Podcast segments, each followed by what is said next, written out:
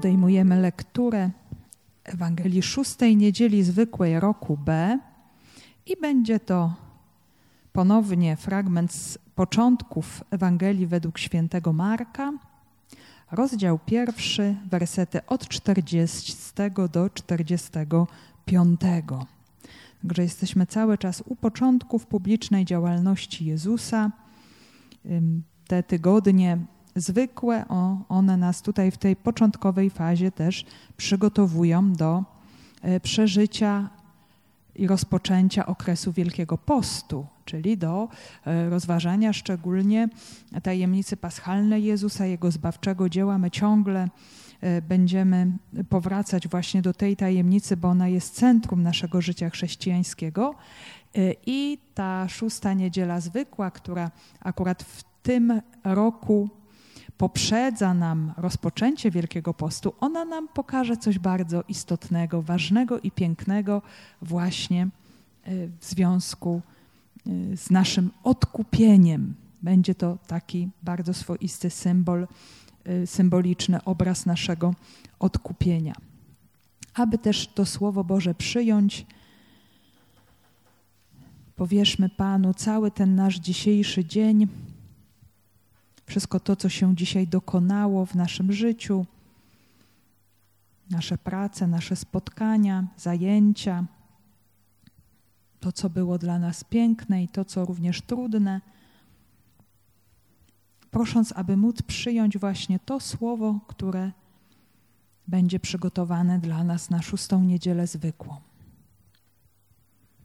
Panie Jezu Chryste, bądź uwielbiony w tajemnicy Twojego słowa poprzez które przychodzisz do nas jako nasz Pan, nasz Zbawiciel, oblubieniec Twojego Kościoła.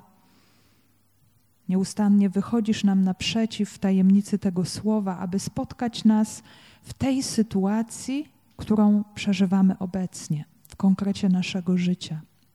Prosimy Cię, umacniaj ducha, którego nam posłałeś od Ojca, umacniaj Jego działanie w naszych sercach abyśmy mogli doświadczać coraz bardziej Twojej obecności i daru Twojego zbawienia w naszym życiu.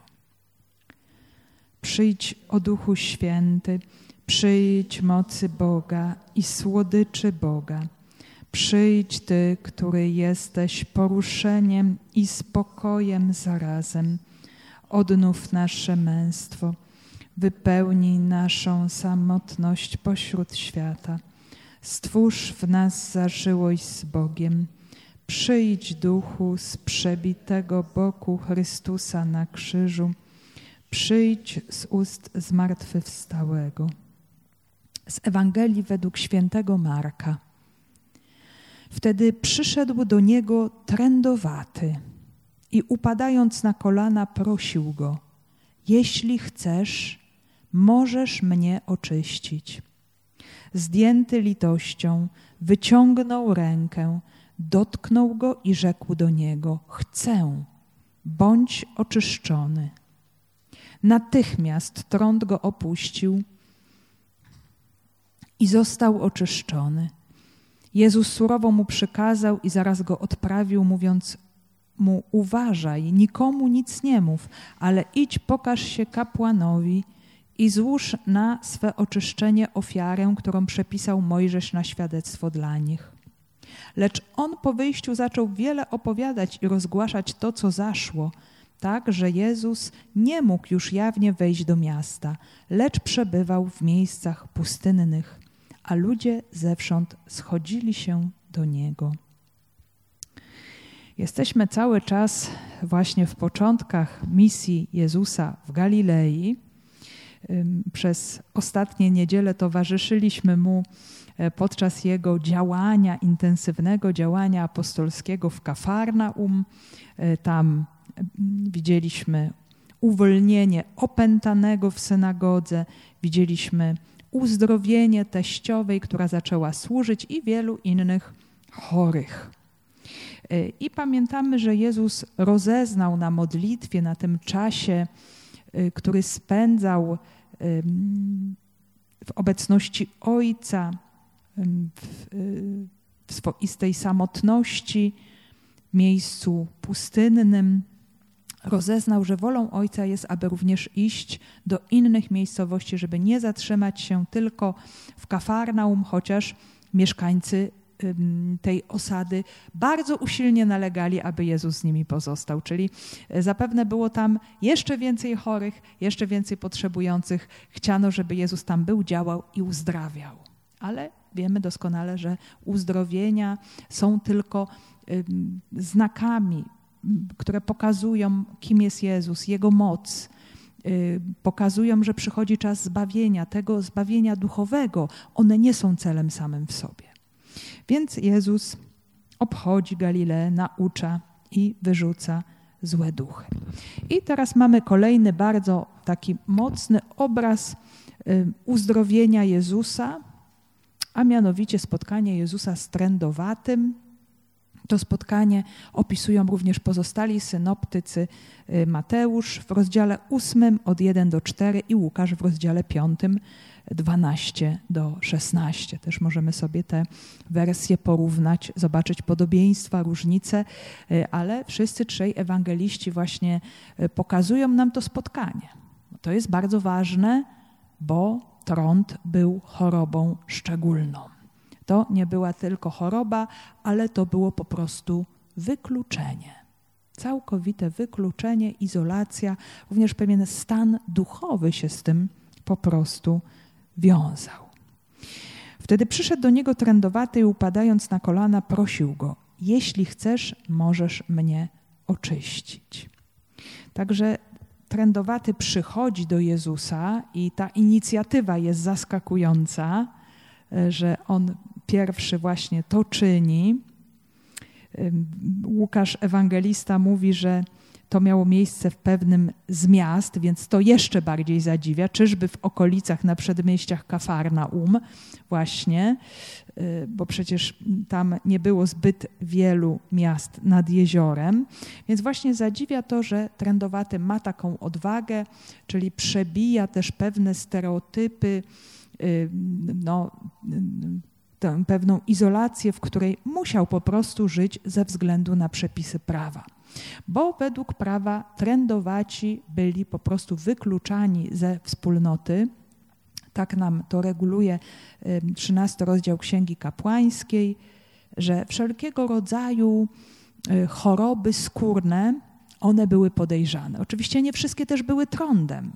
E, bo starożytni też nie mieli oczywiście tak doskonałej wiedzy o medycynie jak my dzisiaj.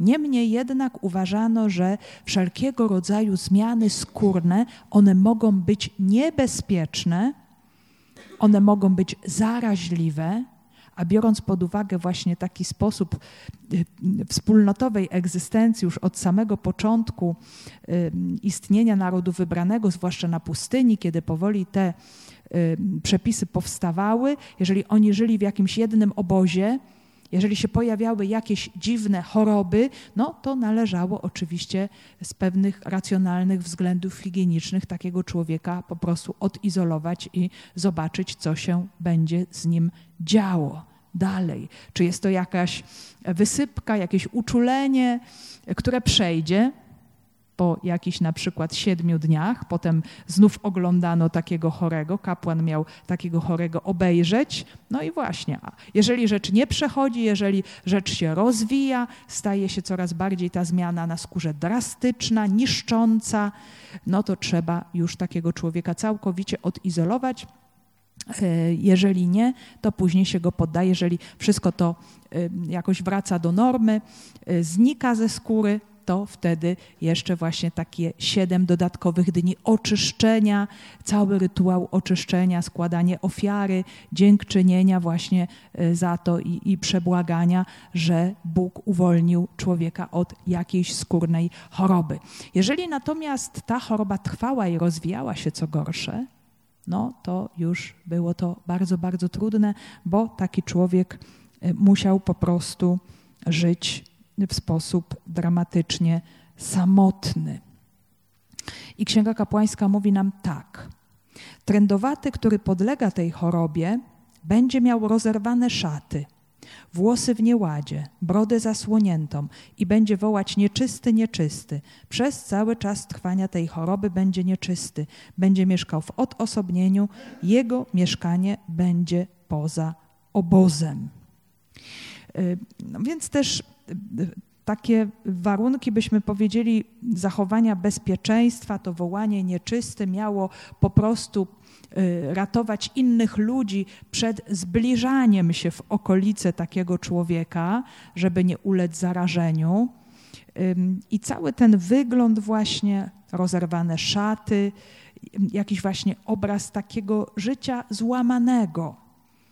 Nawet niektórzy to interpretowali jako wyraz swoistej kary Bożej wyraz nawet jakiegoś grzechu, który się uzewnętrznił w sposób widoczny. Często to właśnie było tak, że w mentalności ludzi starożytnych choroby w jakiś sposób wiązały się właśnie z jakimś grzechem, z jakimś złem. Oczywiście mamy przypadki też chorób i cierpień ludzi bardzo świątobliwych, sprawiedliwych, jak na przykład Hioba.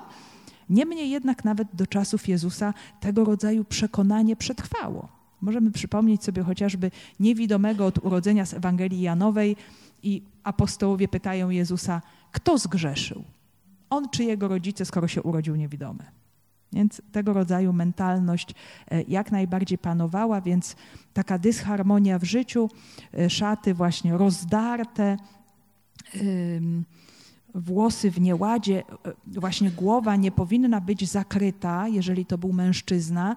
Nakrycie głowy, w ogóle tutaj jakieś uporządkowanie głowy, czy nawet nakrycie głowy, jaką noszą mężczyźni żydowscy, jest to symbol Bożej opieki. To, że Bóg trzyma rękę nad głową tego człowieka, że, że się nim opiekuje, a trąd stał się właśnie, był takim przejawem jakiegoś opuszczenia człowieka, jego samotności, no, jakiego, jakiejś dysharmonii, która tutaj panuje w jego życiu. Zasłonięcie brody y, to też miało jakoś właśnie tutaj pomniejszać godność mężczyzny, bo broda stanowiła właśnie o jego dojrzałości, męskości, pewnej sile.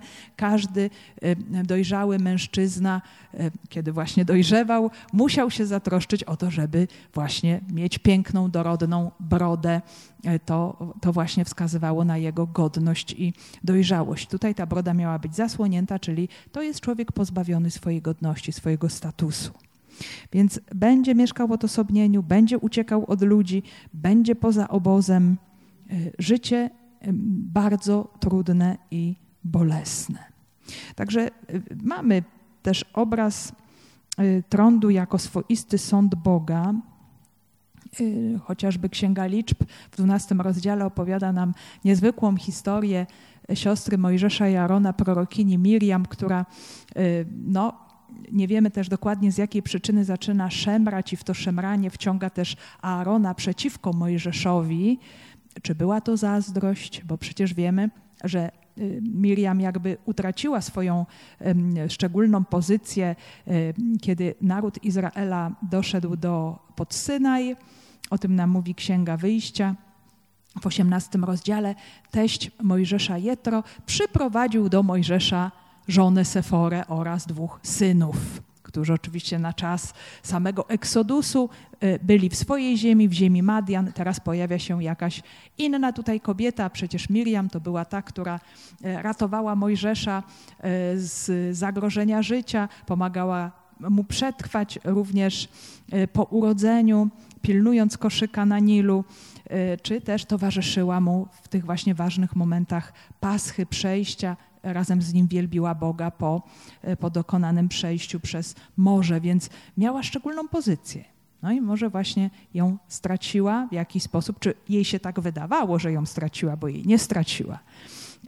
Była cały czas uznawana za przywódczynię, prorokinię, osobę absolutnie nadzwyczajną, ale zobaczcie, może się tak stać i no i właśnie w efekcie staje się trendowata.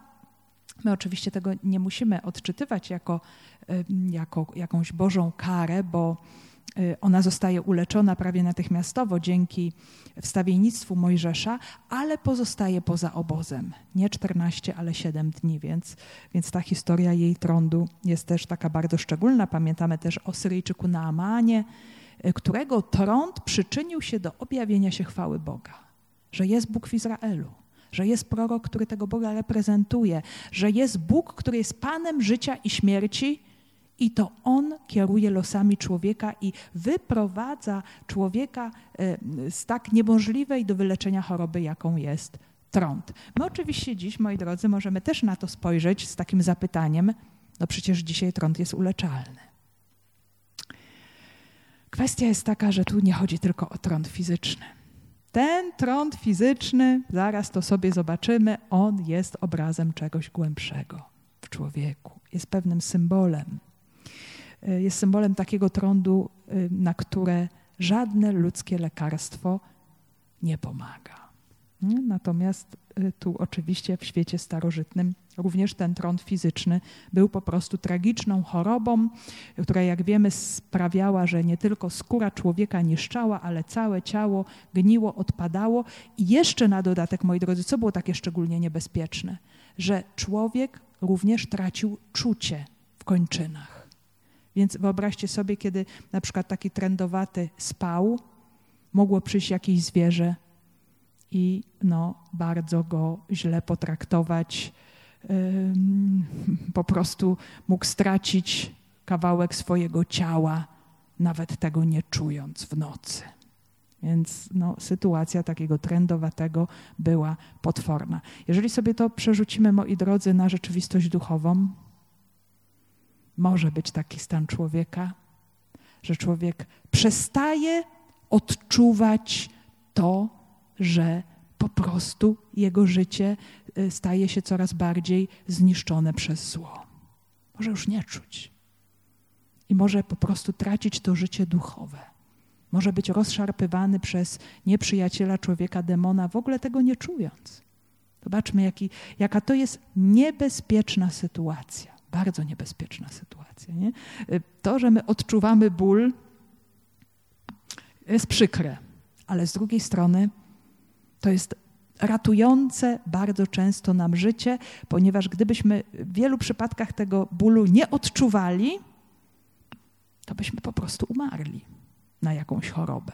Byśmy stracili życie, nie? bo nie byłoby sygnału, że dzieje się coś złego. Podobnie duchowo. To, że czujemy pewien dyskomfort, to, że mamy właśnie jakieś poruszenie sumienia, to jest bardzo dobry znak właśnie tej wrażliwości duchowej, bo, bo wtedy szukamy pomocy. Natomiast kiedy już człowiek nie czuje, nie rozróżnia dobra i zła w swoim życiu, no to już jest e, ciężka postać trądu, moglibyśmy powiedzieć. Ale dla Boga nie ma, nie ma po prostu nic niemożliwego. Trędowaty przychodzi do Jezusa i prosi go w sposób taki bardzo pokorny, usilny. Tu upada na kolana, u Łukasza nawet czytamy, że upadł na twarz. To pokazuje jego uniżenie, też e, jego pokorę, też poczucie takiej totalnej bezsilności, ale jest to również taki znak jego wiary że on tu przychodzi do kogoś, kto jest potężny, kto ma moc, kto ma władzę nawet właśnie nad taką chorobą. Nie? I mm, też zdarzają się i inne takie momenty, kiedy ludzie proszą właśnie klękając przed Jezusem, czyli uznając Jego wyższość, czy, czy ojciec, który prosi o uzdrowienie epileptyka, Mateusz 17, 14, czy też bogaty młodzieniec, który prosi Jezusa o najważniejsze odpowiedzi, które nurtują jego życie. Marek 10, 17. I to, co jest tutaj istotne, to właśnie ta świadomość trendowa tego. Pomimo tak ym, trudnej sytuacji, w jakiej się znajdował, tak ogromnego cierpienia fizycznego, psychicznego i duchowego, bo oczywiście człowiek poza wspólnotą w tamtych czasach to był również według rozumienia tamtych ludzi człowiek oddzielony od Boga. Bo jedynie przez wspólnotę można było wejść właśnie w tę przestrzeń kultu, modlitwy, rozważania słowa, dlatego była synagoga, dlatego była świątynia, dlatego było wspólne świętowanie. Relacja z Bogiem nie dokonywała się na jakiejś płaszczyźnie indywidualnej. Do tego była potrzebna wspólnota. Jeżeli człowiek był niezdatny, to był wykluczony już na wszystkich poziomach. I z tych relacji z ludźmi, ale również z, te, z tej relacji z Bogiem. I to było, możemy powiedzieć, taki swoisty przedsionek piekła. Samotność, opuszczenie, poczucie właśnie takiej swojej, y, no, odrażającej wręcz sytuacji dla wszystkich. Nie? To ogromne, ogromne cierpienie. Y, jak, jakbyśmy się tak y, mogli wczuć w sytuację tego człowieka, no to była ona rzeczywiście tragiczna, dramatyczna, bo nikt mu nie pomagał, wszyscy od niego uciekali. Nie? Dziś próbuje się jakoś ludzi ratować, kiedy są chorzy, nawet jeżeli y, no, nie mamy lekarstw na wszystkie choroby, próbuje się nieść jakąś ulgę nawet tym, którzy no, już wyleczeni nawet być nie mogą. A tutaj jest właśnie ta sytuacja całkowitego opuszczenia i udręki. I trędowaty posiada wiarę. Nie wiemy skąd. Nie wiemy, w jaki sposób ona się w nim zrodziła, czy to był efekt jakiejś już po prostu kompletnej desperacji, tylko on, już nikt więcej mi nie może pomóc. Może gdzieś usłyszał, yy, gdzieś z daleka, może widział ludzi, którzy biegli do Jezusa, czy tych, którzy nieśli do niego innych chorych, może widział gdzieś z daleka ten tłum, yy, może gdzieś z daleka zapytywał. Nie wiemy, jaka była droga do tego wydarzenia, do tej sytuacji, bo zobaczmy, Ewangelie nam pokazują tylko efekt finalny. A czasami jest tak, że spotkanie z Jezusem to jest ogromnie długa droga. Nie? I, I w, tym, w tej chorobie ciała, ale również i w tej duchowej udręce, którą człowiek może przeżywać na bardzo różnych poziomach, czy, czy psychicznej, emocjonalnej, jakaś udręka, która trwa latami i może ten proces dochodzenia, spotkania Jezusa może być bardzo długi, mozolny, ciężki. My nie wiemy, ile on trwał w sytuacji tego trendowatego. Ale te, cała ta jego postawa, to uniżenie i to stwierdzenie, jeśli chcesz, możesz mnie oczyścić. Czyli on jest przekonany, że Jezus ma tę moc, tylko wszystko zależy od Jego woli. Od Jego chce. I, I to jest też takie niezwykłe, że ten człowiek nie wymusza tego uzdrowienia, ale pozostawia to wolnej woli Jezusa. Jeżeli chcesz, jeżeli zechcesz, możesz to uczynić. Ja po prostu mam to głębokie przekonanie. Zdjęty litością wyciągnął rękę, dotknął go i rzekł do niego: Chcę. Bądź oczyszczony. Natychmiast trąd go opuścił i został oczyszczony. I tu mamy bardzo piękny obraz. My wiemy, że ewangelista Marek relacjonuje nam to wszystko tak bardzo pięknie, żywiołowo, bo to są te przekazy takie bardzo byśmy powiedzieli, emocjonalne, żywe, opowiedziane przez Piotra, który był świadkiem, naocznym świadkiem tych wydarzeń, że tutaj objawiają nam się również emocje Jezusa, Jego, jego człowieczeństwo, że ta sytuacja Jezusa niesamowicie wzruszyła. I to jest, myślę, ten moment też ważny do naszego zatrzymania się, Y, w tym fragmencie, y, bo, bo moi drodzy, to jest tak, że tak jak Jezus patrzy na tego trendowatego człowieka, tak samo patrzy na każdego z nas.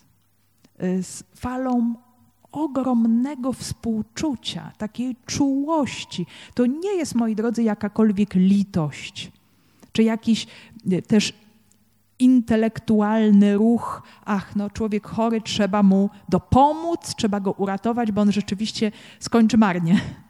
Y, tutaj y, to poruszenie wnętrzności, o którym nam mówi właśnie ewangelista, to jest coś takiego, że Jezus się niesamowicie głęboko utożsamia, od, współodczuwa ten ból, który przeżywa ten właśnie człowiek. Wręcz odczuwa to w swoim ciele.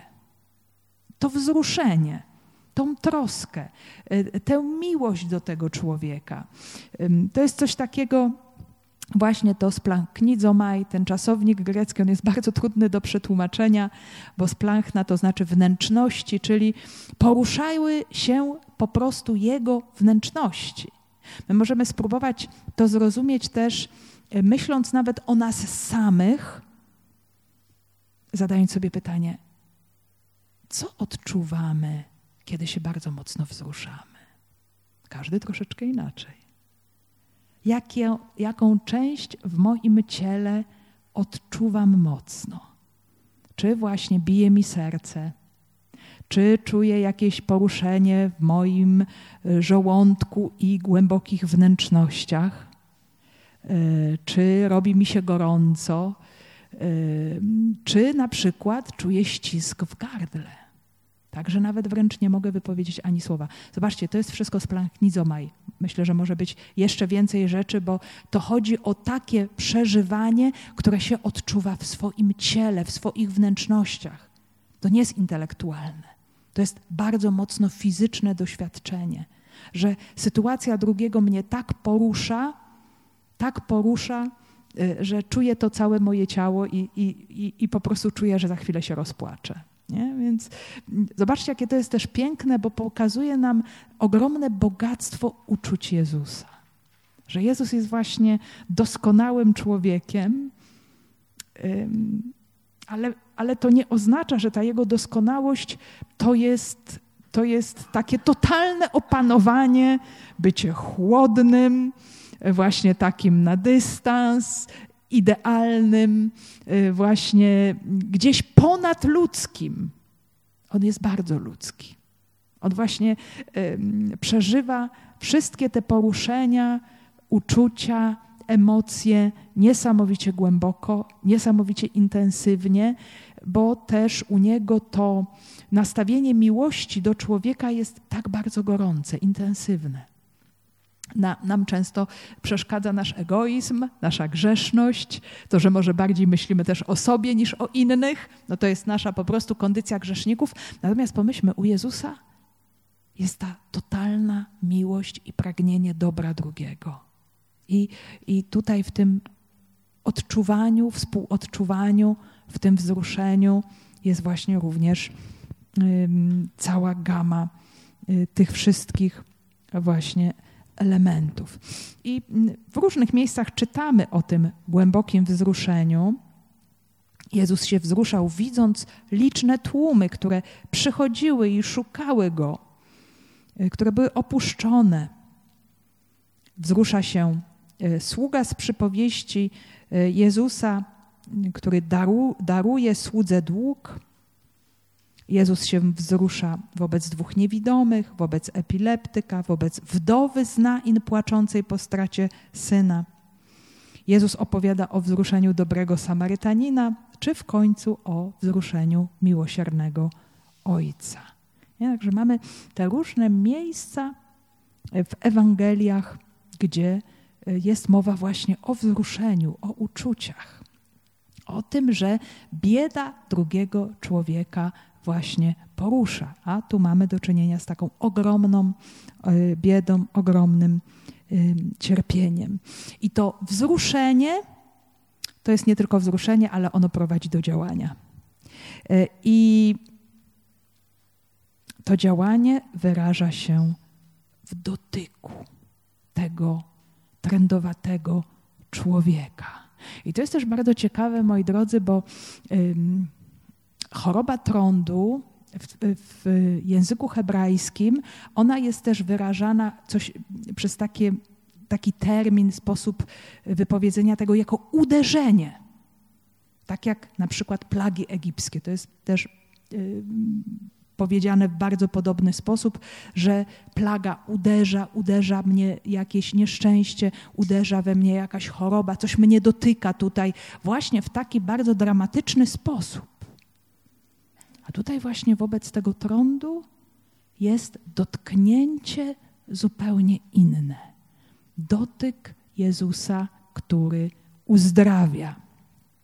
Jest to też niezwykłe, bo nie wolno było takich rzeczy robić. Jezus znów łamie wszelkiego rodzaju bariery y, prawne, rytualne, higieniczne, zdroworozsądkowe.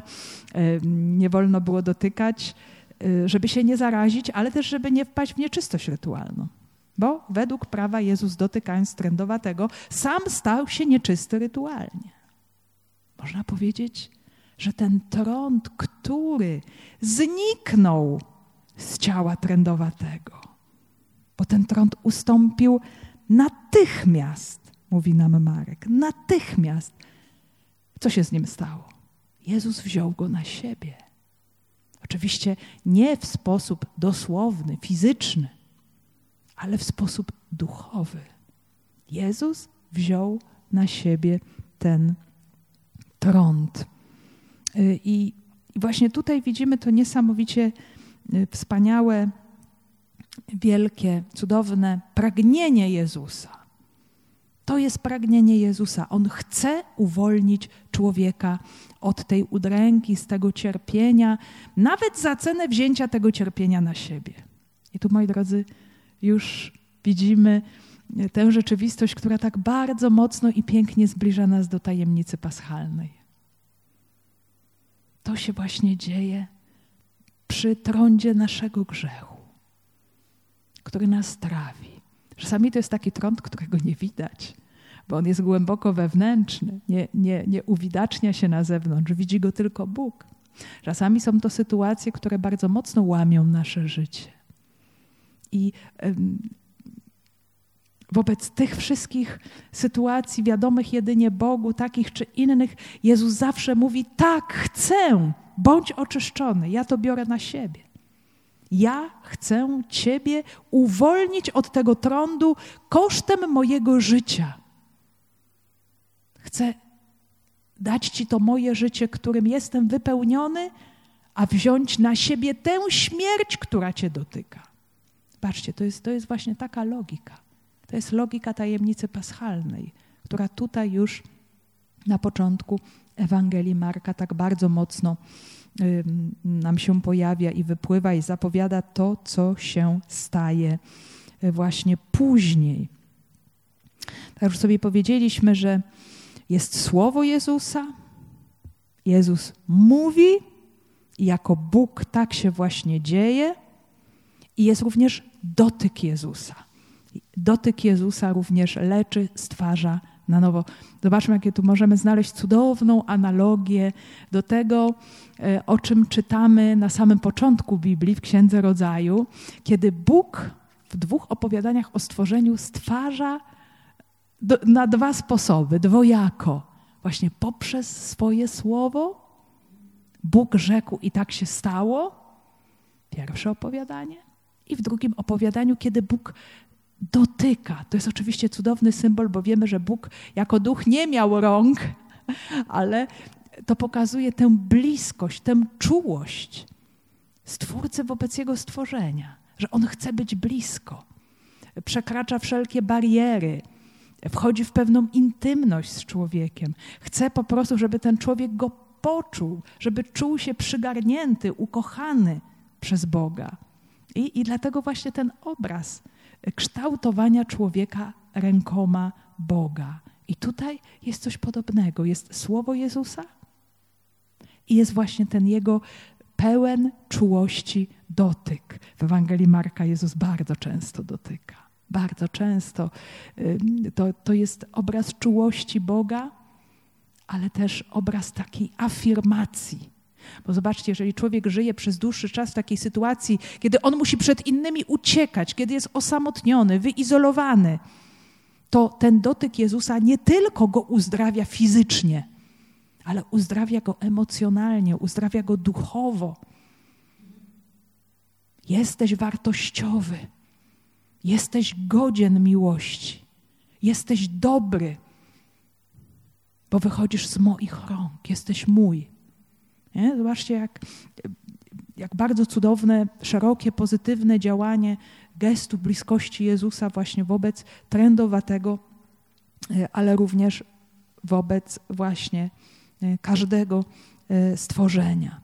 Także i władza Jezusa nad trądem, Jezus tutaj jawi się jako Bóg, jako Pan życia i śmierci, Pan natury, ale też jako ten Bóg bardzo czuły, bliski, akceptujący, współczujący, y, współczujący we wszystkich wymiarach cierpienia tego człowieka i tym fizycznym, i też tym emocjonalnym, bo człowiek czuje, że jego ciało gnije i się rozpada.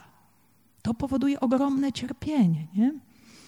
Mm, I też poczucie wykluczenia, wzgardę i wstręt, jaką, jaki wzbudzał w ludziach. Nie? Więc ten człowiek no, nie był w stanie akceptować samego siebie nawet. Nie? A mm, Bóg akceptuje, kocha, przyjmuje, bez względu na to, jak wielki byłby trąd człowieka. I jego samowykluczenie, i jego, możemy powiedzieć, nieakceptacja samego siebie, y, nawet jakiś wstręt odczuwany wobec samego siebie, to Boga nie zatrzymuje. Nie? On, on przyjmuje każdego i wszystko to, co dla nas też, ludzi słabych, jest często nie do przyjęcia. Y, także już sobie o tym mówiliśmy, że to pragnienie Boga jest bardzo szerokie.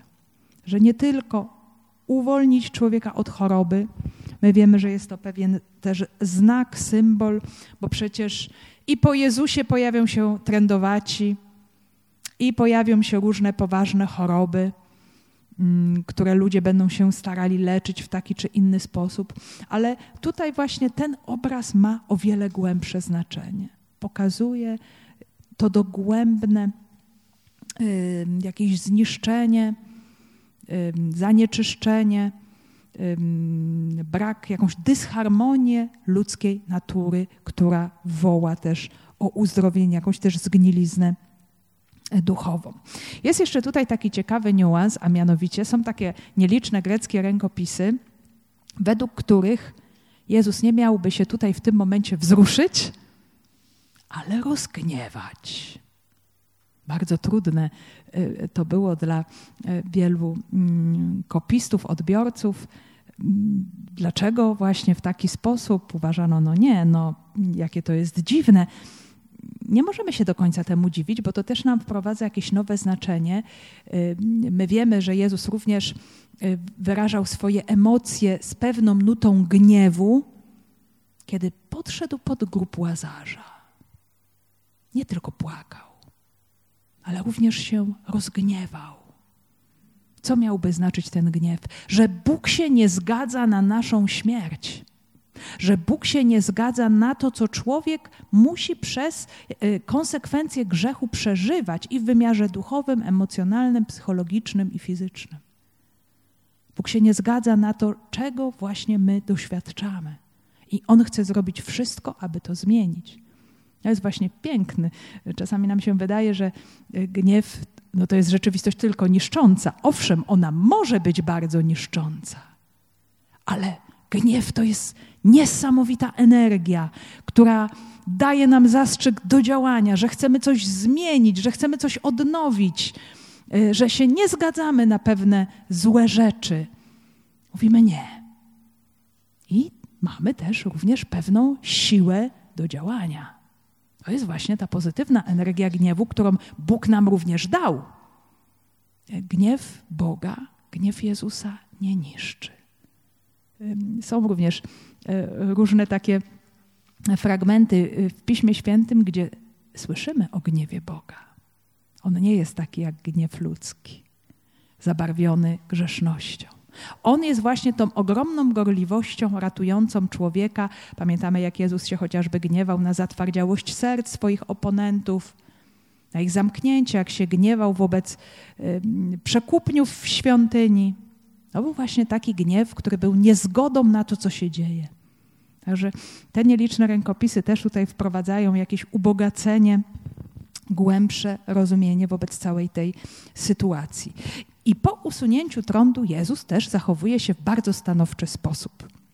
Jezus surowo mu przykazał i zaraz go odprawił, mówiąc mu: Uważaj, nikomu nic nie mów, ale idź, pokaż się kapłanowi i złóż za swe, za swe oczyszczenie ofiarę, którą przepisał Mojżesz na świadectwo dla nich.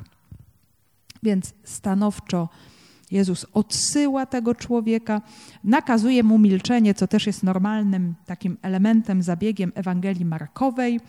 Y, gdzie mówimy o sekrecie mesjańskim, czyli Jezus ukrywa swoją tożsamość Mesjasza i Syna Bożego, która dopiero się objawi w momencie Jego męki, śmierci, zmartwychwstania. Więc nakazuje prawie wszystkim osobom milczenie, oprócz y, tego, który przebywał w ziemi Gerazeńczyków po drugiej stronie jeziora, y, bo to był jedyny ten opętany, który został uwolniony od legionu demonów, to był jedyny świadek Jezusa na tamtych terenach. I on miał właśnie dawać świadectwo o tym, co Bóg mu uczynił, i miał przygotowywać niejako teren pod przyszłą ewangelizację. Natomiast e, w ziemi żydowskiej Jezus nakazuje milczenie. To jeszcze jest nie czas, aby ludzie poznali prawdziwą tożsamość Jezusa. E, natomiast e, cel jest teraz inny, bo Jezus chce, aby ten człowiek również wrócił do wspólnoty, aby został przywrócony do normalnego życia. Zobaczcie, że e, to nie tylko uzdrowienie ciała tutaj się liczy, i ten trendowaty był tego świadomy, bo on powiedział: Możesz mnie oczyścić, nie tylko uzdrowić.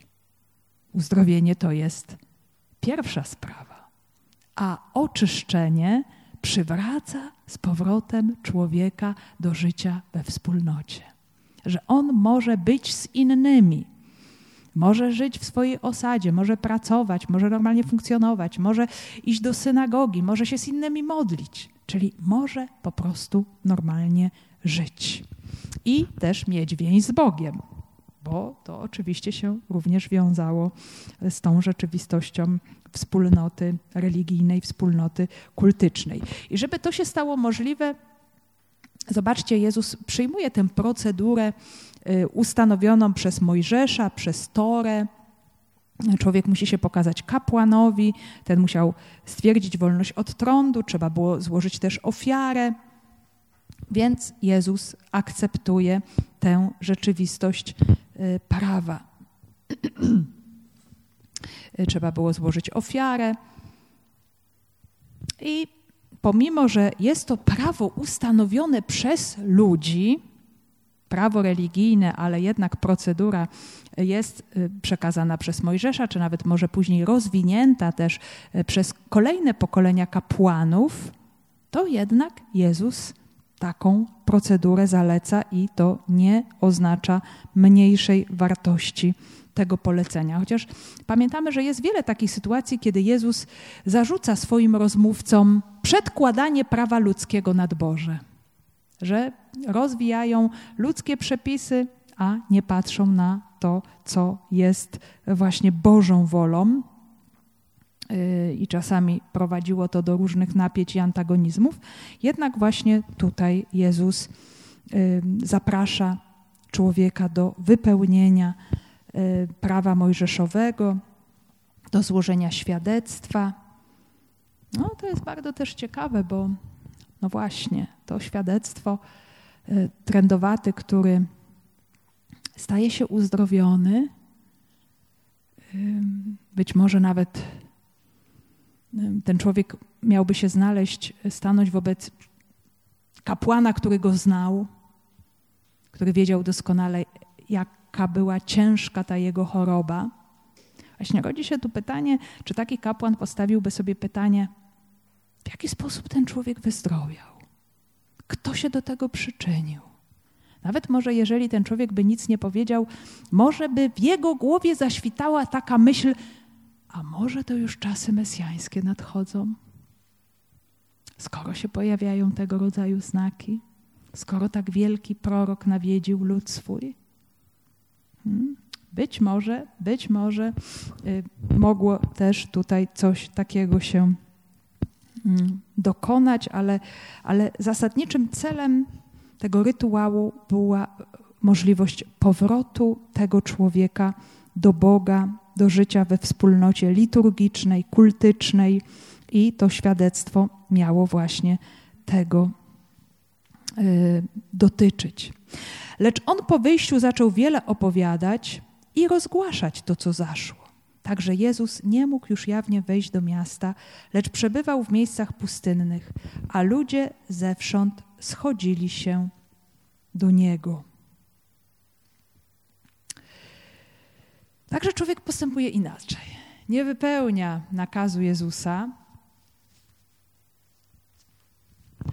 I też nie możemy się dziwić, że nie zachował sekretu, bo no, pomyślmy, to, co go spotkało, ta radykalna zmiana, która nastąpiła, wzbudziła w nim tak wielką euforię. I to jest właśnie, moi drodzy, obraz tego, co się dzieje z człowiekiem, który spotka w swoim życiu Boga. Doświadczy Jego mocy, Jego miłości, ocalenia, zbawienia, wyciągnięcia ze śmierci grzechu. Ten człowiek chce to głosić, chce to ogłaszać, chce dawać świadectwo. I tak się właśnie zaczyna dziać że człowiek staje się ewangelizatorem, staje się głosicielem. Nie dlatego, że jest autoryzowany, pouczony, że coś wie, y, że rozumie sens misji Jezusa. No nie rozumie zapewne, y, w jaki sposób Jezus y, dokona swoją misję, co należy tym ludziom powiedzieć, ale po prostu mówi o swoim doświadczeniu, o swoim osobistym spotkaniu z Bogiem, tego, co on od Boga przez Jezusa po prostu otrzymał. I w tej sytuacji właśnie Jezus tym bardziej jest obciążony tym trądem i usuwa się na miejsce pustynne, czyli oddala się od ludzi, y, bo wszyscy ludzie się dowiadują, że przecież Jezus go dotknął, czyli zaciągnął nieczystość rytualną, a może nawet właśnie coś z tego trądu jest przejęte przez Jezusa. Więc zobaczmy, Jezus ma tę ogromną delikatność wobec ludzi, którzy może mogliby czuć się niekomfortowo takiej sytuacji. Oczywiście ludzie wiedzieli, że, czy przynajmniej coraz bardziej odkrywali, że Jezus ma moc nad chorobami, bardzo różnymi chorobami, ma moc nad złem, ma moc nad demonami, ale żeby nie powodować jakichkolwiek napięć y, i, i pytań, kiedy już stało się powszechnie wiadome, że Jezus dotknął i uzdrowił trędowatego, Jezus właśnie się usuwa na miejsce właśnie puste. Nie tyle pustynne, bo w Galilei pustyni nie ma, ale właśnie miejsce niezamieszkałe. E, także Jezus nie chce tego rozgłosu. Nie chce się pokazywać ludziom e, i być w ich oczach widziany znów ponownie jako cudotwórca, Jezus chce spokojnie, powoli wypełniać wolę Ojca. No i też, tak jak sobie powiedzieliśmy, on wziął ten trąd na siebie. To jest właśnie ten obraz, ten symbol przyjęcia na siebie grzechu świata. Jezus stał się po prostu za nas trędowatym, wykluczonym, odrzuconym. I to wszystko już staje się zapowiedzią Jego śmierci. Jezus będzie wykluczony, zobaczcie, ze wspólnoty e, kultycznej Izraela, będzie wyrzucony poza święte miasto, poza murami miasta, jako ten trędowaty będzie pozbawiony życia. Ale pomimo to ludzie jakoś idą do Jezusa. Są również i ci, którzy nie boją się, którzy odkrywają, skoro On ma władzę nad tym trądem, to w nim działa moc Boga i tym bardziej On tych wszystkich ludzi potrzebujących do siebie przygarnia. No i teraz, jak to się ma do naszego życia? Myślę, że się bardzo ma do naszego życia, e, bo myślę, że każdy z nas nosi w sobie jakąś bolączkę, jakąś słabość, różnego rodzaju właśnie trąd, Y, który nas boli, który nas niszczy, który nas wyklucza, upokarza, obciąża. Możemy się niekiedy czuć niegodni, żeby przyjść do Niego.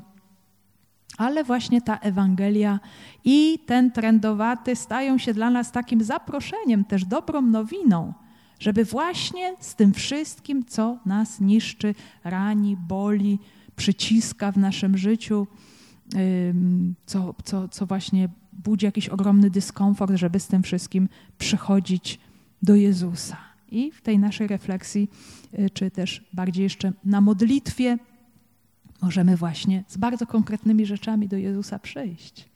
On widzi właśnie również te wszystkie trądy niewidoczne yy, dla oczu, a może najbardziej takie dotkliwe.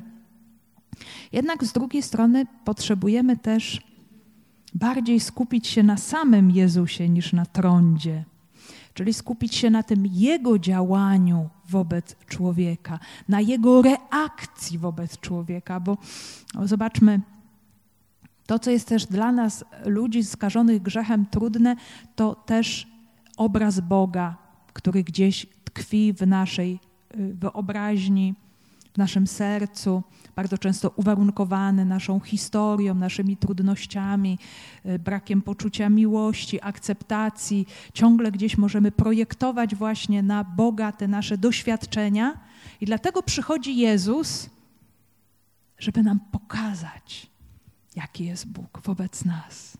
I dlatego my potrzebujemy w to słowo tak głęboko wejść, żeby właśnie wejść w naszej kontemplacyjnej modlitwie na miejsce tego trendowatego ze wszystkim, co najbardziej nas przytłacza i właśnie zobaczyć reakcję Jezusa, tak sekunda po sekundzie. Jego spojrzenie, Jego wzruszenie, Jego wyciągniętą rękę, Jego pełen czułości dotyk i to, co się z tym wiąże czyli moje uzdrowienie. Może nie od razu je zobaczę, odczuję, tak jak to się stało w przypadku y, choroby ciała, ale właśnie do tego jesteśmy zachęcani, aby nieustannie przychodzić do Jezusa y, z tym wszystkim, co nas boli, aby On nas mógł leczyć, uzdrawiać i przywracać ciągle na nowo do życia i do bliskości z sobą.